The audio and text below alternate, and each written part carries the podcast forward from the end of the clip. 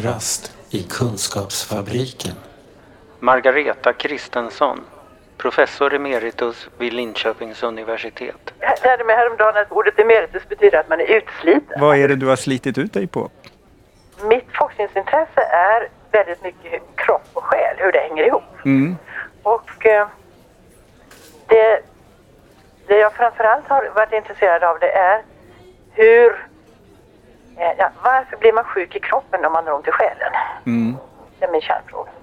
Eh, och den har bäring tillbaka till att, att jag, eh, mitt grundforskningsprogram har handlat om att försöka förstå varför den som lever i en utsatt social situation har en sämre kroppslig hälsa. Ah, ja. Varför har Mm. vi klasskillnader i hälsa? Just det. kan man inte säga klass idag för det är vissa som slutar lyssna. Men vi har socioekonomiska skillnader i hälsa också i välfärdslandet Sverige. Så, och det, och det, är, det är en av orsakerna till att vi har haft den här nationella kommissionen som har varit För jämlik hälsa. för jämlik hälsa.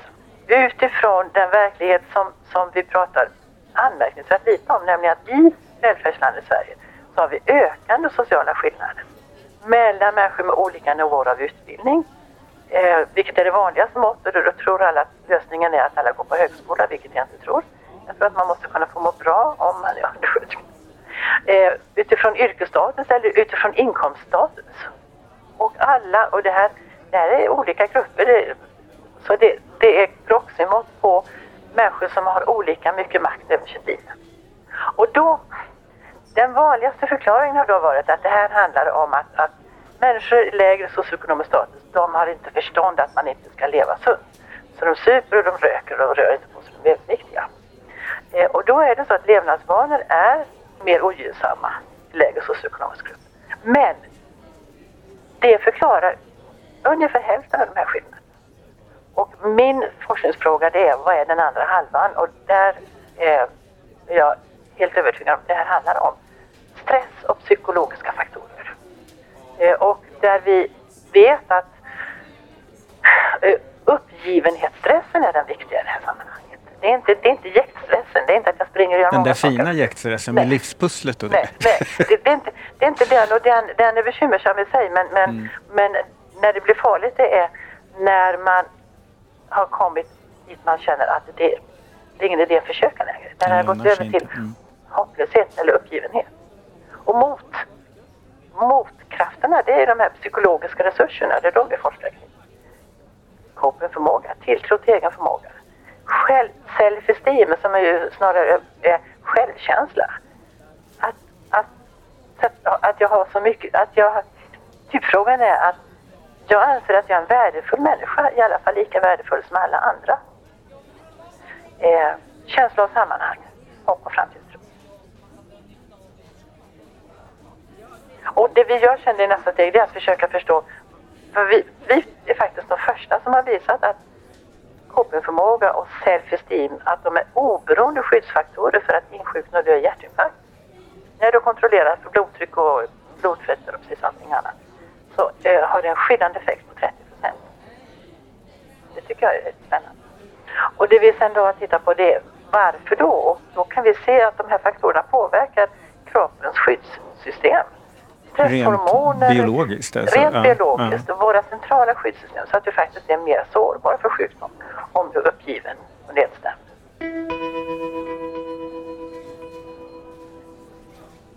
Det som är, tänker jag, spännande i det hela det är att, att vi vet genom sån forskning som jag har ägnat mig åt att, att om man känner att man eh, vågar tro att det ska gå bra, om man har hopp och framtidstro, så har man också större chans att, att, att må bra.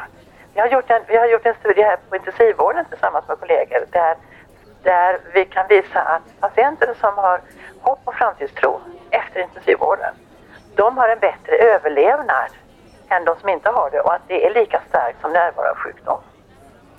Det tycker jag är ganska starkt. Och hur många kliniker är det som mäter hopp? Idag nästan ingen. Nej. Men jag tror, att, jag tror att det måste komma in. Mm. Eh, och och eh, att man dokumenterar de här psykologiska faktorerna i alla fall, reflekterar över dem och mäter dem. Mm. Och eh, en, en, en proxy som fungerar ganska långt det är faktiskt den självskattade hälsan, det här globala måttet på självskattad hur mår du? Därför den handlar till hälften ungefär om säga, hur jag mår kroppsligt. Ja. Men minst hälften till hur jag mår, eh, till och med till hur jag mår psykiskt. Ja, just det. Och vad, hur mitt liv funkar. Och, Ja, och liksom, precis. Eh, Min, min tillit, tillit till min förmåga, tilltro till min förmåga. Om jag, om jag tror att det ska gå bra, Mm. eh, då mår jag faktiskt bättre. Just. Och den självskatta hälsan är också en oberoende prediktor för överlevnadsskydd. Och det här, det här tror jag är en, det här är liksom en nyckel för, för den goda hälso och sjukvården. Mm. Eh, för vi är mycket bättre på att vara tekniskt duktiga Ja. än vi är på att vara mänskligt duktiga. Om, om det är sagt så, så är det ju så att, att de allra, allra flesta mötena fungerar fantastiskt. Det finns oerhört mycket fantastiska människor där ute. Men det räcker att ett av hundra möten inte är bra för att det ska göra så förfärligt ont. Och att vi måste vara medvetna om att, att det är allt för många som får, Mm. precis som du beskriver, de här negativa bilderna. Just det. Och som ju då blir, blir ibland självförstärkande därför att det här det blir ju en spegeleffekt så att en snäll och vänlig och trevlig patient. Mm. Jag har goda vänner som inte förstår vad jag håller på med som har varit väldigt mycket på sjukhus och säger att alla jag träffar är jättetrevliga. Vad snackar? Och Då har jag ibland sagt att ja, när det gäller du eh, eh, som alltid är glad själv och som börjar med att berömma alla Ja. tror jag att du får väldigt trevligt med detta. Ja. Men, det. En, men en annan person som, som eh, börjar med, med att skälla ut vårdpersonalen eh, kanske inte alltid får den varma blicken tillbaka. Därför att vi är människor. Ja, och i, i vårt fall så är det ju det som är uttrycket för vår ohälsa ibland. Exakt. Att vi faktiskt inte är så vare sig trevliga eller tillmötesgående Ja. eller ens vill. Nej, så att, ja. Kafferast i Kunskapsfabriken. Allt det vi pratar om nu, det här med känslor, eh, upplevelser, bemötande, hur man mår. Eh, det kan man mäta lika bra som man kan mäta fysiska saker. Mm. Om man respekterar att man måste veta hur man gör. ja, just det. Mm. Eh, det vill säga man måste ha respekt för att det här är en, en, en metodfråga också. Mm. När vi är på laboratorium så är det alldeles självklart att man måste veta, ha kalibrerat sin, sin, sin maskin annars kan du inte mäta ett blodvärde om du inte liksom har lärt dig det. Nej. Men vi föreställer oss att det här, det som är subjektivt, att det kan vi liksom fråga hur som helst. Och så blir det konstigt. Även där måste vi ha bara respekt för att även där måste vi ha kunskap om hur du gör. Ja, just det. Och att, så att man gör så att det blir jämförbart över Ja, att tid och, mellan... och att, ja, att, just man, det. att man Mm. reflekterar över hur man frågar, vilka frågor ställer man så att de tolkningsbara och sånt här. Mm. Och det är, det är, inget konstigt, det är bara att ha respekt för att det är en kunskap Mm. Varför blir det så svårt? Jag tror det är två delar. Det, det ena är att, att eh, vem du än frågar så, så säger ju eh, läkare och sjuksköterska det är ju självklart att vi är intresserade av hur det går för patienterna. Mm. Det, det frågar vi varje dag. Just det. Och det, det ingår i, i dialogen, i mötet, eh, på ronden när man skriver ut. Mm. Eh, däremot så har vi inte haft system på att följa upp det i kvalitetsmått. Därför att Nej, just trott det. att man inte kan mäta det. Men det, det spännande som händer om man får in det i också de systematiska kvalitetsmåtten, det är att man faktiskt får, får en, en annan bild av hur hela processen går till. När man inte bara tittar på de medicinska resultaten. Ja, just det. Ja, det blir lite, genom att ställa det lite längre från själva vårdinsatsen så får du ju också ett, lit, ett annat perspektiv på just den. Ja, och du, du sätter vårdinsatsen i hela den i sitt sammanhang. Ja, just det, i relation Ja. till hela människans Ja. tillvaro. Ja. Ja, så att om, om, du, om vi tittar på, på de mer tekniska insatserna, en perfekt eh, opererad höft Mm. eh, där, där du får eh, med objektiva mått eh, fin röntgenbild och, och patienten kan böja och så vidare. Om inte den är kombinerad med en sjukgymnastisk träning så att patienten tränar på sitt ben och ett samtal som gör att patienten vågar gå på sitt ben Just det. så kan man ha en perfekt röntgenbild med en person som for- fortfarande inte vågar röra sig därför att jag skulle ju kunna trilla igen. Just det. Då har du inte så stor nytta av det där jättefina... Nej. Ja. Mm. Och det här är ju egentligen att lyfta fram urgammal läkekonst. Det är det som ligger i läkekonsten, att komma ihåg att det är en människa.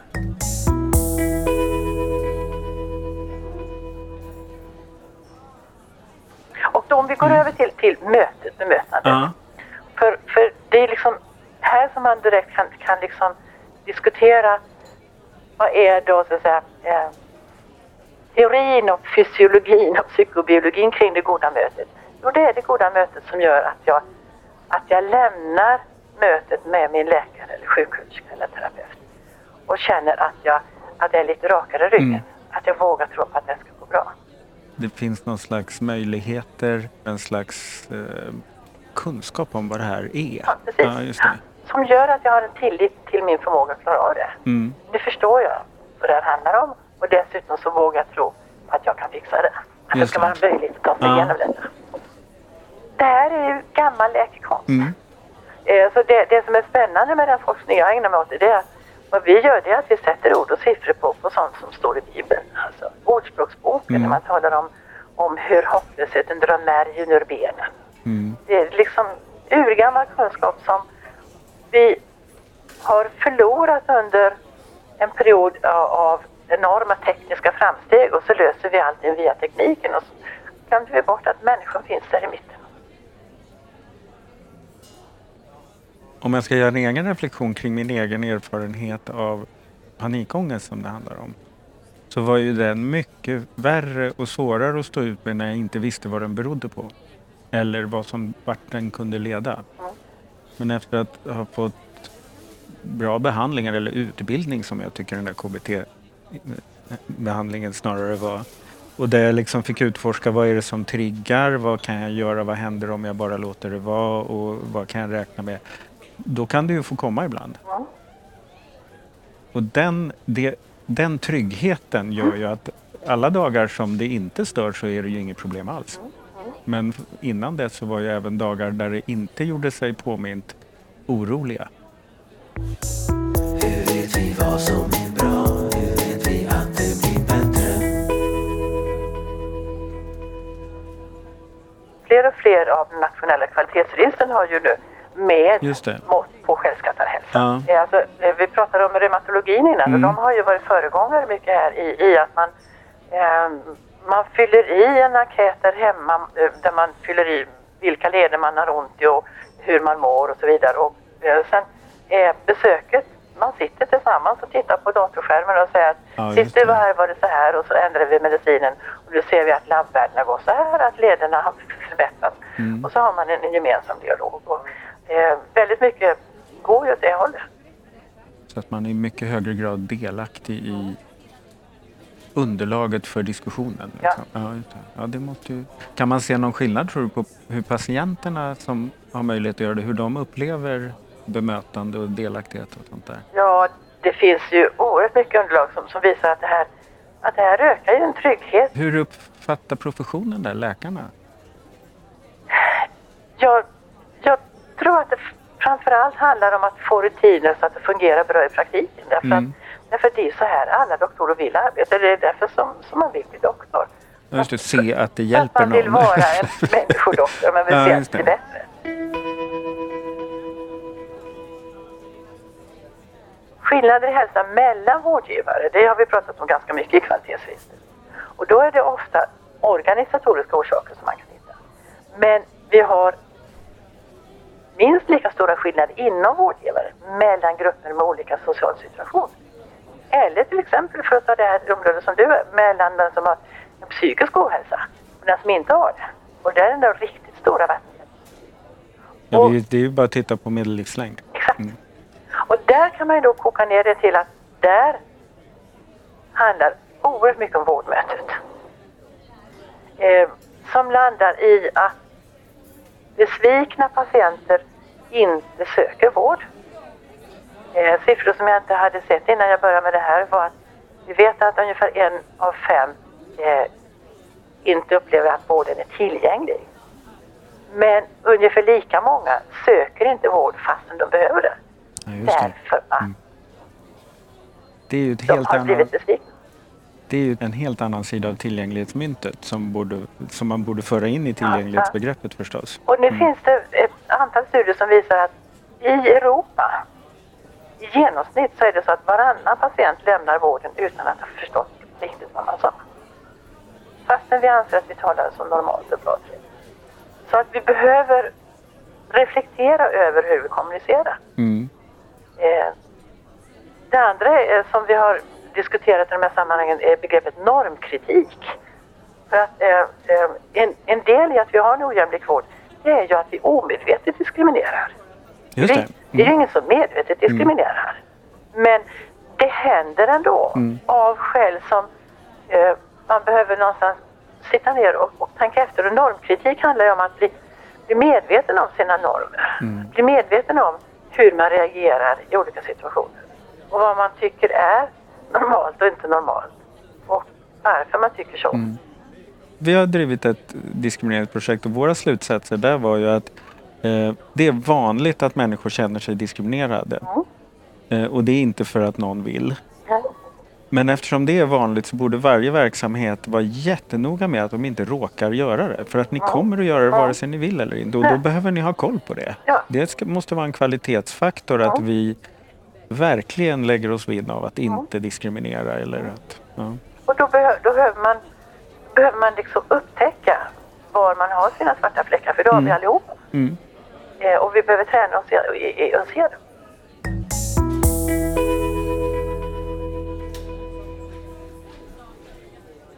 Vi, vi har ett jättespännande nytt eh, forskningsområde som vi har börjat diskutera i en bred grupp här eh, som handlar om att sårbarhet. Vad är sårbarhet? Vad spännande. Och, och hur kan man förstå det och hur kan man beforska det? Eh, från förebyggande ända till, ända till den palliativa vården.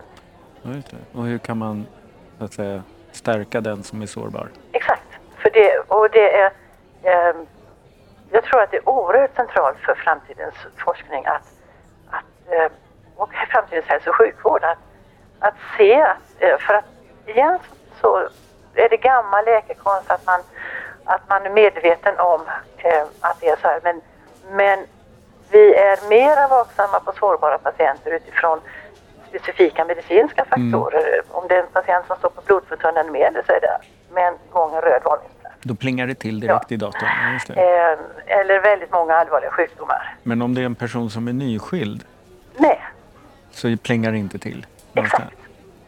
Och som dessutom är, är, är, är särskilt argsint och eh, Mm. eh, sparkade på smalbenen. Mm. Och eh, som eh, har en, en eh, och hotad ekonomisk situation. Mm. Eh, det är precis lika stor sårbarhetsgrad på den patienten. Och att liksom se det, det tror jag är jätte- Vad spännande. Vi skulle kunna sitta här hela dagen och prata om det här. Ja, stort tack för att jag fick intervjua dig Margareta. Tack så mycket. Den här podden görs av NSPH, Nationell samverkan för psykisk hälsa. Läs mer på vår hemsida www.nsph.se